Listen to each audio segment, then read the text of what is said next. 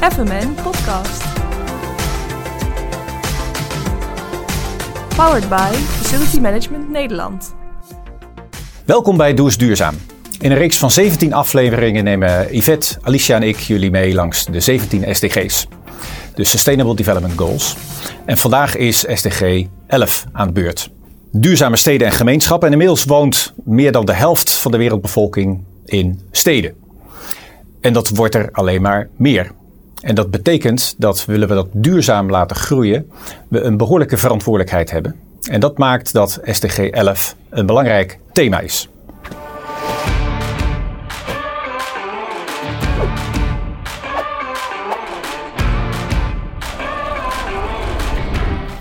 We praten daarover met Gerben van Straten, directeur van Wallas Concepts en de opsteller van Earth Charter Cities Manifest. Olaf Muller van het United for Sustainable Cities Program van de Verenigde Naties. En met Rines vader, leading professional bij Royal Haskoning DAV. Gerber, van harte welkom. Dankjewel. Ik ken het Earth Charter, het handvest van de aarde, wat al meer dan twintig jaar geleden is, eh, is opgesteld. En wat je eigenlijk zou kunnen beschouwen als een ethische onderlegger onder die SDG-agenda.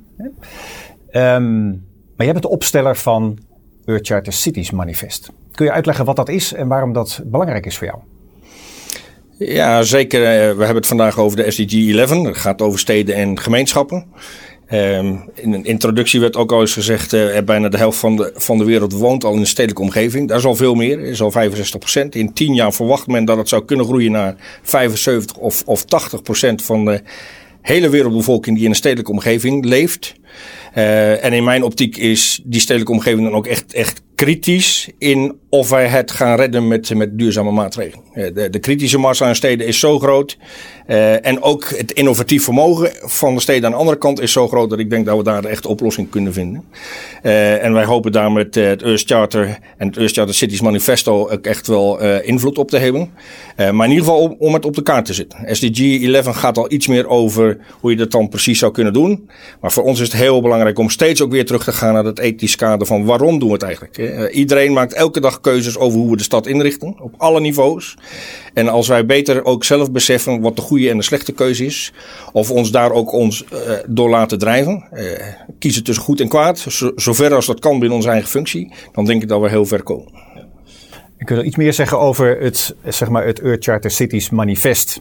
Wat een, wat, een, wat een tekst is, specifiek toegerust op wat goed is voor duurzame steden en gemeenschappen. Volgens mij was het er al voordat de SDG's er waren. Ja. Dus het, het, het heeft al een langere geschiedenis. Um, en het is belangrijk voor het leefbaar houden en het leefbaar maken van steden. Kun je, kun je wat principes noemen die in dat Earth Charter Cities Manifest um, um, belangrijk worden gevonden? Ja, voor ons, en dat geldt voor Earth Charter ook, maar voor het manifest zeker. Eh, een beetje ook voor SDG's. Eh, het gaat natuurlijk niet alleen over de technische ontwikkeling in steden. Het gaat niet alleen over de gebouwen in steden. Het gaat over veel meer. Het gaat ook over hoe mensen invloed hebben op hun eigen omgeving. Hoe ze daarover meebeslissen. Het gaat over fair business. Uh, het gaat over iedereen zoveel mogelijk mee laten doen. Uh, dus dat complete plaatje van, uh, van duurzaamheid, die nog wel eens vergeten wordt op het moment dat we direct aan de slag gaan, want dan vertrekken we toch vaak hoe kunnen we gebouwen verbeteren. Dat complete plaatje denk ik dat heel erg goed vertegenwoordigd wordt door het Eurostad Cynisch Manifesto. En daar is ook steeds meer behoefte aan. Er is steeds meer behoefte van steden om in hun vroege planning en ook in hun toekomstvisie na te denken over hoe gaat dat allemaal samenpakken. want een heel mooi voorbeeld is uh, toen ik uh, aan het manifesto werkte, heb ik contact gehad met Michael Gorbachev. Die zei: technische duurzaamheid is de enige duurzaamheid die niet duurzaam is. En daar ben ik ook wel van overtuigd. Want zodra je iets technisch ingericht hebt en verzonnen hebt, over twee jaar heb je alweer een betere techniek. Terwijl duurzame sociale omgeving, duurzame cultuur, iedereen erbij betrekken, ook daarin investeren is eigenlijk een, een grote garantie om die duurzaamheid ook op langere termijn mogelijk te maken. Mooi. Olaf, jij bent betrokken bij het United for Sustainable Cities Program van de Verenigde Naties. Je Inderdaad. merkt, ik heb geoefend op dat uh, woord. Hè? Dat komt nu goed uit mijn, uh, uit mijn mond. Absoluut. Het is een vervelend het woord. U4SSC program van de Verenigde Naties. En dat meet op het zeg maar, gemeentelijk niveau, op het stedelijk niveau, uh, hoe het staat met de voortgang van de SDG 11 realisatie. Absoluut. Kun je daar eens wat meer over vertellen hoe dat in elkaar steekt? En ook hoe dat zeg maar uh, in Nederlandse steden um, um, al wordt toegepast. Ja, ja. Nou ja, wij praten hier over vaak duurzame steden en gemeenschappen. Dat smart is natuurlijk ook een heel belangrijk onderwerp. En, en het grappige is dat natuurlijk al die punten die wij bepaald hebben in die 17 SDG's, die komen allemaal terug in die stad. Ja, dus, dus het is voor ons, in ieder geval voor mij, vind ik het een heel belangrijk aspect. Want kijk maar naar de situatie nu. Uh, het heeft allemaal effect op de mens. net zoals de steden en facility management is de mens natuurlijk cruciaal in het hele gebeuren. Ja, kun je uitleggen wat smart, wat dat dan inhoudt? Want het is een een, volgens mij ook een heel breed begrip. Dat kan een effect hebben op allerlei dingen in steden. Kun je uitleggen wat ja. jij bedoelt met smart sustainable cities? Nou, als je kijkt, het programma is oorspronkelijk opgezet natuurlijk eh, vanuit die SDG's, hè, vanuit de VN. Uh, wereldleiders hebben ze gecommitteerd, hebben 17 SDG's gemaakt. Uh, een van die smart uh, onderwerpjes zit in de SDG 9, dus dat is infrastructuur. Maar de steden heeft natuurlijk al die middelen, al die 17 SDG's nodig om een stad te zijn. Uh, en een van de smart componenten die er meespeelt is natuurlijk uh, drie belangrijke, of er zijn drie belangrijke segmenten, zeg maar. Eén is bijvoorbeeld de infrastructuur zelf. Neem bijvoorbeeld 5G, dat is een voorbeeldje. Uh, maar ook het meten als IoT om de luchtkwaliteit te kunnen oppakken. IoT staat voor? inderdaad, het Internet of Things. Dus alles wat via internet is geconnecteerd. bijvoorbeeld het meten van, van dingen die meespeelt. Een ander aspect is bijvoorbeeld transport. Uh, transport is natuurlijk een heel belangrijk aspect. Uh, als je ziet dat eigenlijk uh, de helft van de bevolking maar uh, binnen zeg maar tussen de 500 en 1000 meter toegang hebben tot publiek transport. Nou, daar moet nog wel wat gedaan worden. Um, milieu dat hebben wij al een beetje genoemd. Dus dat zijn eigenlijk allemaal dingen hoe je daar slim mee om moet gaan in die steden.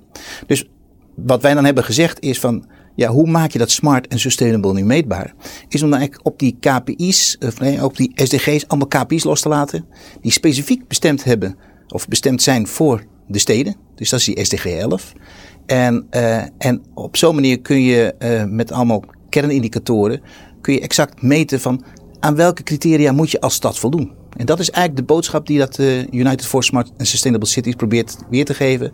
Wij gaan die gemeentes kalibreren om te zeggen hoe smart en hoe duurzaam ben je nu werkelijk? Op basis van de kaders die we geschapen hebben binnen de, de SDG's. En begrijp ik het dan zo dat je als het ware een soort uh, scan doet? je, je scant als het ware die stad rond een aantal ja. indicatoren. Ja. Die zijn vastgesteld. Die gelden ook voor zeg maar, alle steden over de wereld, zeg maar. Dat, dat kun je dus ook onderling vergelijken met elkaar. Ja, helemaal correct. Uh, dit, is, dit is precies wat, wat de doelstelling is. Uh, het wordt ook gedaan door de, door de, de VN zelf. Hè. Dus er komt ook echt iemand van, van de ITU die dat voor de VN dat gaat uitvoeren. Die gaat zo'n stad meten op dezelfde criteria die ze gedaan hebben. Ook voor steden als Moskou en uh, Sao Paulo en dergelijke. En het heeft twee redenen. De eerste reden is om steden onderling te kunnen vergelijken dat is natuurlijk een belangrijk aspect om te kijken van hoe doe ik het nou ten opzichte van wat grotere gemeentes of hoe doe ik het nou ten opzichte van wat kleinere gemeentes. Maar een tweede wat belangrijker is, en dat vind ik eigenlijk nog het meest belangrijke, is van als ik een onafhankelijke meting laat doen door degene die de SDG's heeft opgesteld, dan kan ik precies zien hoe ik score. Hoe score ik nou op mijn omgeving? Hoe score ik nou op mijn huisvesting? Hoe score ik nou op, mijn, nou op alle 17 SDG's in mijn stad? En, uh, en op dat moment kun je beleidsmatig gaan bepalen als gemeente van ja, waar ga ik nou op inzetten? Want op alle 17 SDG's inzetten is best wel moeilijk. Want hoe smart en duurzaam ben je nou eigenlijk? En dan pik je eigenlijk die puntjes waar je nou niet goed scoort, die kun je eruit pikken en dan zeggen, nou weet je, hier gaan we aan werken. Dit wordt een beleid. Hier gaan we samen met het bedrijfsleven en met, uh, met facilities management uh, mee aan de slag om samen dit aan te pakken. Kun je een voorbeeld geven van een Nederlandse gemeente eh, die zeg maar al zo'n scan gedaan heeft? Um, wat dan zeg maar de beleidsvoornemens zijn die daaruit voortkomen? Ja, het is. Uh, als we zo'n scan doen, dan moet je je voorstellen dat die scan eigenlijk uh, aan de gemeente wordt weergegeven van wie het, uh, wil het publiceren, hè, het openbaar maken, ja of nee. Het is met name eerst bestemd natuurlijk voor de gemeente zelf om die op te pakken.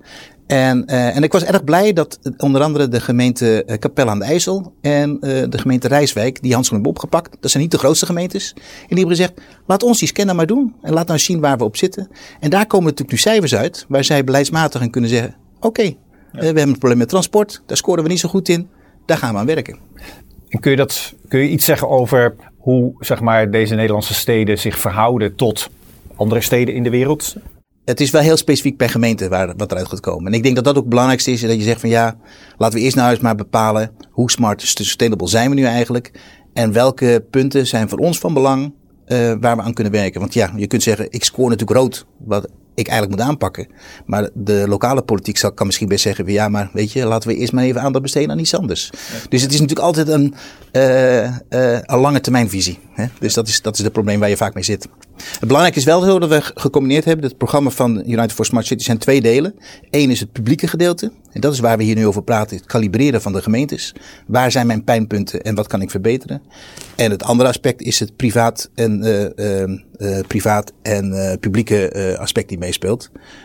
maar ja, daar vullen wij natuurlijk, zoals de Earth Charter, zelf ook een hele belangrijke rol in. En dat is in de samenwerkingsverband. Dus ik vind eigenlijk dat het belangrijker is dat de gemeentes in Nederland nu heel specifiek gaan kijken waar staan we nou niet live in de studio, maar wel met zijn gezicht zichtbaar in de studio is uh, Rinus vader. Van harte welkom Rinus. Um, Jij bent uh, via Royal Haskoning DAV uh, als, als leading professional veel betrokken. Je geeft veel advies richting facility managers en vastgoedmanagers. Um, je hebt het verhaal van Gerben en van, uh, van, van Olaf gehoord. Um, en jij zit eigenlijk, zou je kunnen zeggen, in de dagdagelijkse dynamiek van hoe krijgt SDG 11, hè, dat leven in steden en gemeenschappen, hoe krijgt dat nou vorm? En dan hebben we het over het vastgoed van, uh, van Royal Haskoning DAV. Dat, die heeft zo'n 17 of 70 eh, locaties wereldwijd. Um, daar gebeurt nog wel eens wat. Um, en de werkelijkheid van de dagdagelijkse activiteiten van de facility manager is misschien wel weerbarstiger dan zeg maar het papier wat gewillig is. Zou je daar iets over kunnen vertellen en wellicht ook uh, een, een, reactie kunnen geven op wat je gehoord hebt van, um, van um, Olaf en van Gerben? Ja, dankjewel. mooi dat ik ook iets kan, misschien kan bijdragen.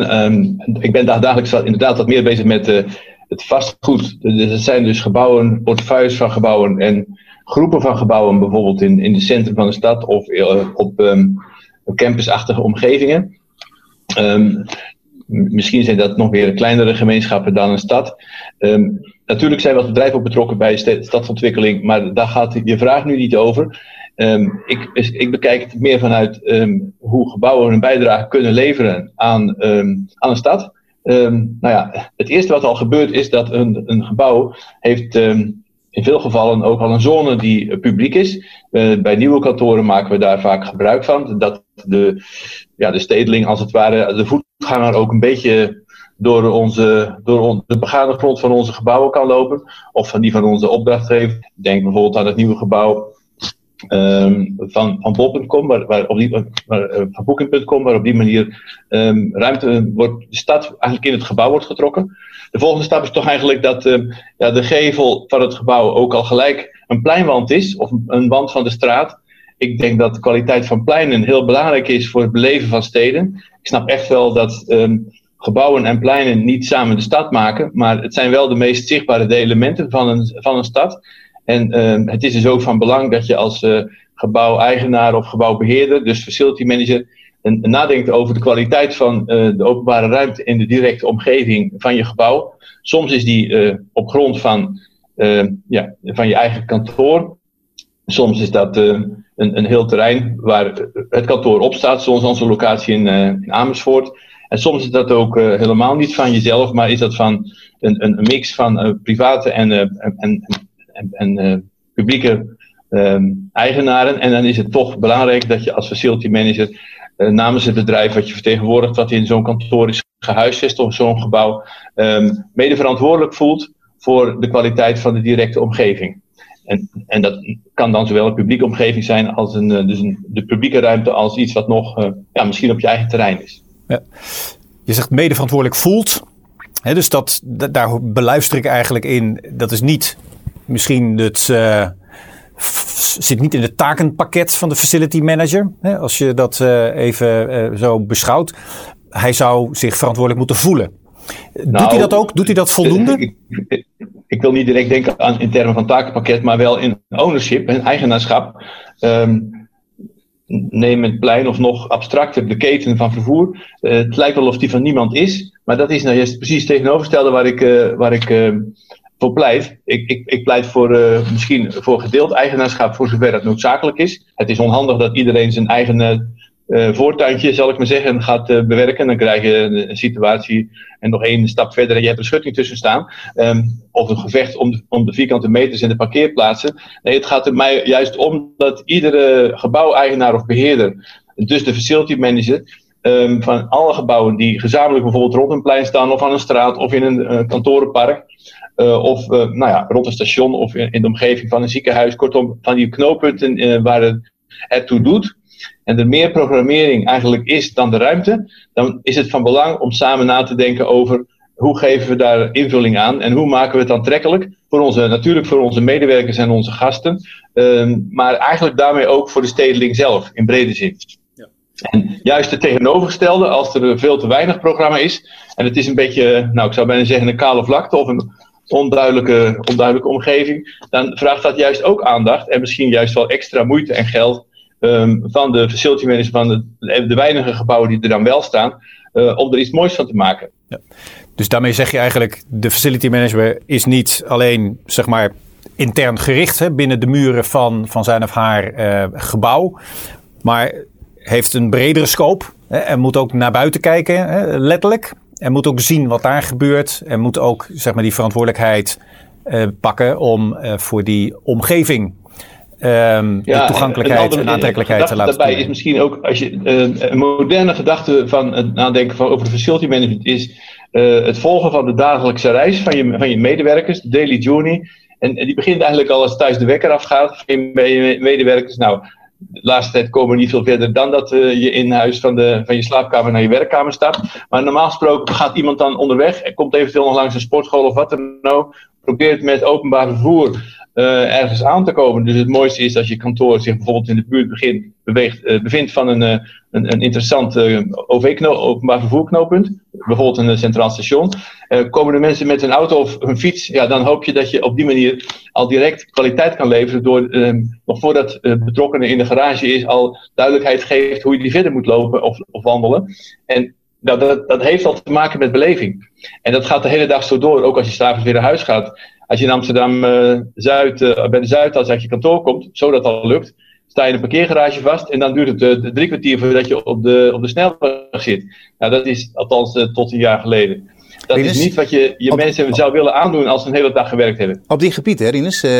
in hoeverre ben jij tevreden met de samenwerking met bijvoorbeeld de gemeentelijke instanties? Want ik kan me voorstellen wat je nu zegt, transport. dat is iets wat inderdaad vanaf, vanaf huis tot de kantoor plaatsvindt, maar in de kantoor ook. Neem nou transport en neem nou de luchtkwaliteit binnen en buiten de gebouwen. Ben je tevreden over de samenwerking met gemeentes hierover? Of zouden we daar meer in moeten doen als, als facility manager of vanuit de gemeentes?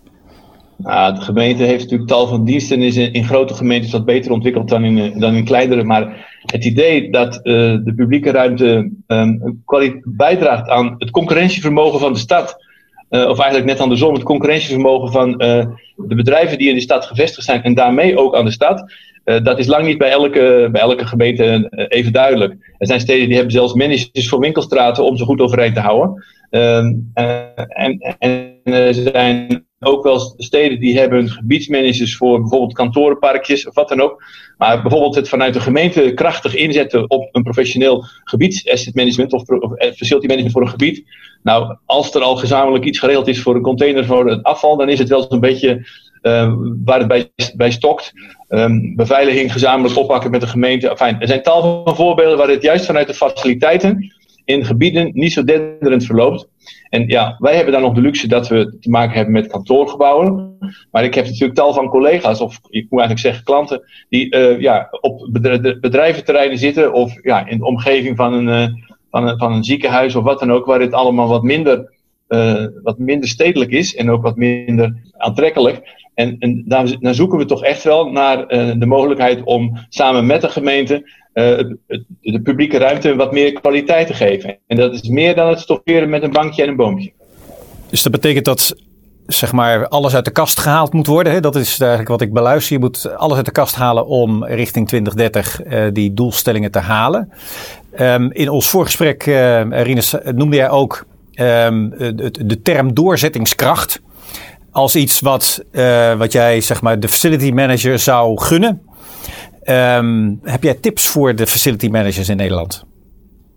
Ja, dat denk ik wel. Ik, ik denk dat um, een bijzonder punt, van facility management in, in, in, in, Nederland, maar ook wel breder, is dat um, ruim de helft van de, de gebouwen gehuurd worden. Denken we natuurlijk primair aan kantoren, maar dat zit ook wel breder en dat wordt ook nog steeds breder. Denk aan de zorg. Um, als uh, een gebouw eigendom is, dan is het dus eigenlijk een kapitaalgoed, een, een productiemiddel van de organisatie die je dient als facility manager. Redeneer dan ook vanuit dat eigenaarschap, ook al ben je dat misschien als facility manager in juridische zin natuurlijk helemaal niet zelf. Maar er is voor de rest niemand anders mee bezig. Want de core business, het management daarvan is bezig met het voeren van het bedrijf. En niet met het, uh, het, het, het uh, nadenken over de kwaliteit van uh, het kapitaalgoed in de context van zijn of haar omgeving. Dus dat is één. Nadenken over de verantwoordelijkheid die je hebt vanuit, het, vanuit het vastgoed, vanuit het kapitaalgoed waar je voor staat of die gebruikt worden door je organisatie. En sommige facility managers hebben dan ook zelfs te maken met, nou, ik zou bijna zeggen, fabrieken of datacenters, waarbij het nog veel extremer is. De andere helft van facility managers, die, zit, die dient een organisatie die huisvesting huurt.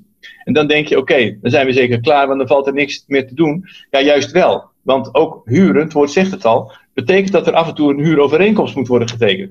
Nou, ik zeg in elke setting waar ik da daarna gevraagd word, ook om vraag, um, anderhalf tot een half jaar voorafgaand aan het expireren van je huurcontract, heb je de grootste doorzettingskracht en macht om het verschil te maken voor de komende vier of tien of twintig jaar. Ik pleit niet voor kortlopende huurcontracten, ook al heb je daar meer van dat soort momenten in de tijd.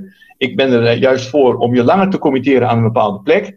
Maar dan ook grondige afspraken te maken voorafgaand aan het afsluiten van een, of het verlengen van het huurcontract met de eigenaar. En misschien moet die er, eigenaar er nog wel anderen bij halen. Om uh, in termen van duurzaamheid, in termen van de omgeving van het gebouw, um, beslissingen te maken en keuzes te maken en af te dwingen. Uh, in het huurcontract zelf. Er zijn mogelijkheden voor, dat noemen we green lease.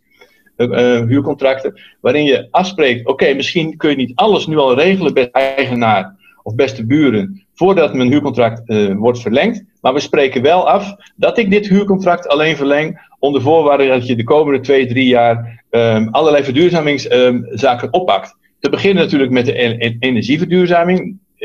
Dat heeft te maken met isolatie trans en transitie van de warmtebron naar warmtepompen en dergelijke, of aansluiting op een nog aan te leggen publieknet. Maar dat gaat ook verder. Ik heb net al even genoemd over het stofferen van, met groen voorzieningen rond, rond de gebouwen, um, ander straatwerk, totaal andere uit, uit, uh, uitwerking van parkeerterreinen. Het, kortom, het, het, het, de, kwaliteit van de publieke ruimte op en rond het gebouw sterk verbeteren en de uh, energie, energetische prestaties sterk verbeteren.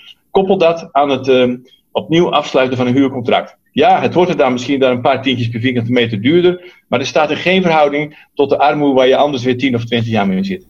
Dankjewel. Dat is een heel concrete tip aan de facility manager in Nederland. Olaf, heb jij uh, aan het eind van deze uitzending een, uh, een tip voor de facility manager die heeft gekeken naar dit programma en die denkt: wat kan ik eh, vanuit de ervaring en kennis van Olaf uh, meenemen richting mijn concrete dagdagelijkse werkzaamheden. Ja, nou, ik zie dus nu uh, in deze gesprekken die we nu vandaag hebben gevoerd, zie je dus die samenwerking tussen privaat en publiek een hele belangrijke rol in spelen.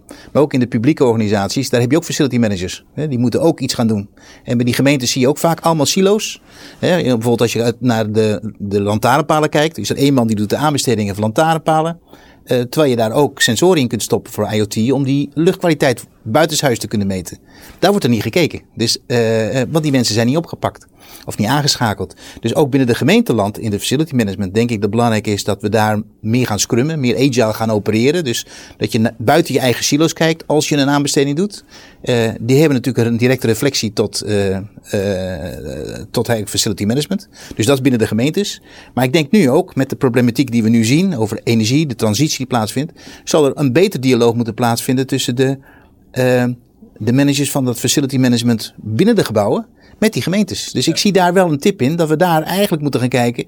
We kunnen niet meer praten tussen mijn domein en jouw domein. Nee, eh, alles loopt nu door elkaar heen. Vooral nu we ook zien dat we veel meer thuis zitten. Wat doen we met de lege ruimtes? Dus ik denk dat het juist nu een moment is om gewoon heel praktisch een aantal punten mee te pakken. En eh, dit soort aspecten te gaan kijken. Ja, wat betekent het nou voor de mensen in die stad? Ja. Hè, wonen Dus je zegt eigenlijk, facility manager, doe je blik naar buiten. Absoluut. Ga niet naar binnen gericht zijn, maar ga kijken wat er naar buiten, eh, wat er buiten is. En ga je verbinding zoeken met, eh, met andere eh, stakeholders in diezelfde stad. Ja. Om oplossingen te bedenken voor de leefbaarheid en de duurzaamheid van die stad. En ter afsluiting dan van dit gesprek zou ik aan jou, Rinus, willen vragen. Heb jij nog één tip voor de facility manager? Denk, eh, denk verder dan je gebouw. Dankjewel. Gerben, heb jij één korte tip ter afsluiting Ja, voor de facility ik- manager in Nederland? Ik doe dat voorzichtig, maar ik meen het wel, ook naar mijn eigen team toe, maar misschien ook wel namens een aantal andere CEO's. Challenge your CEO. Eh, je weet heel veel over hoe dingen eh, beter kunnen presteren. Maak dat duidelijk, eh, gebaseerd op, op kennis. En laat het ook weten, zodat die verandering ook kan plaatsvinden. Dankjewel. Beste facility manager van Nederland, daag je CEO uit. Dankjewel Gerben voor je bijdrage. Dankjewel Rinus. Dankjewel Olaf. En graag tot ziens. FMN Podcast. Powered by Facility Management Nederland.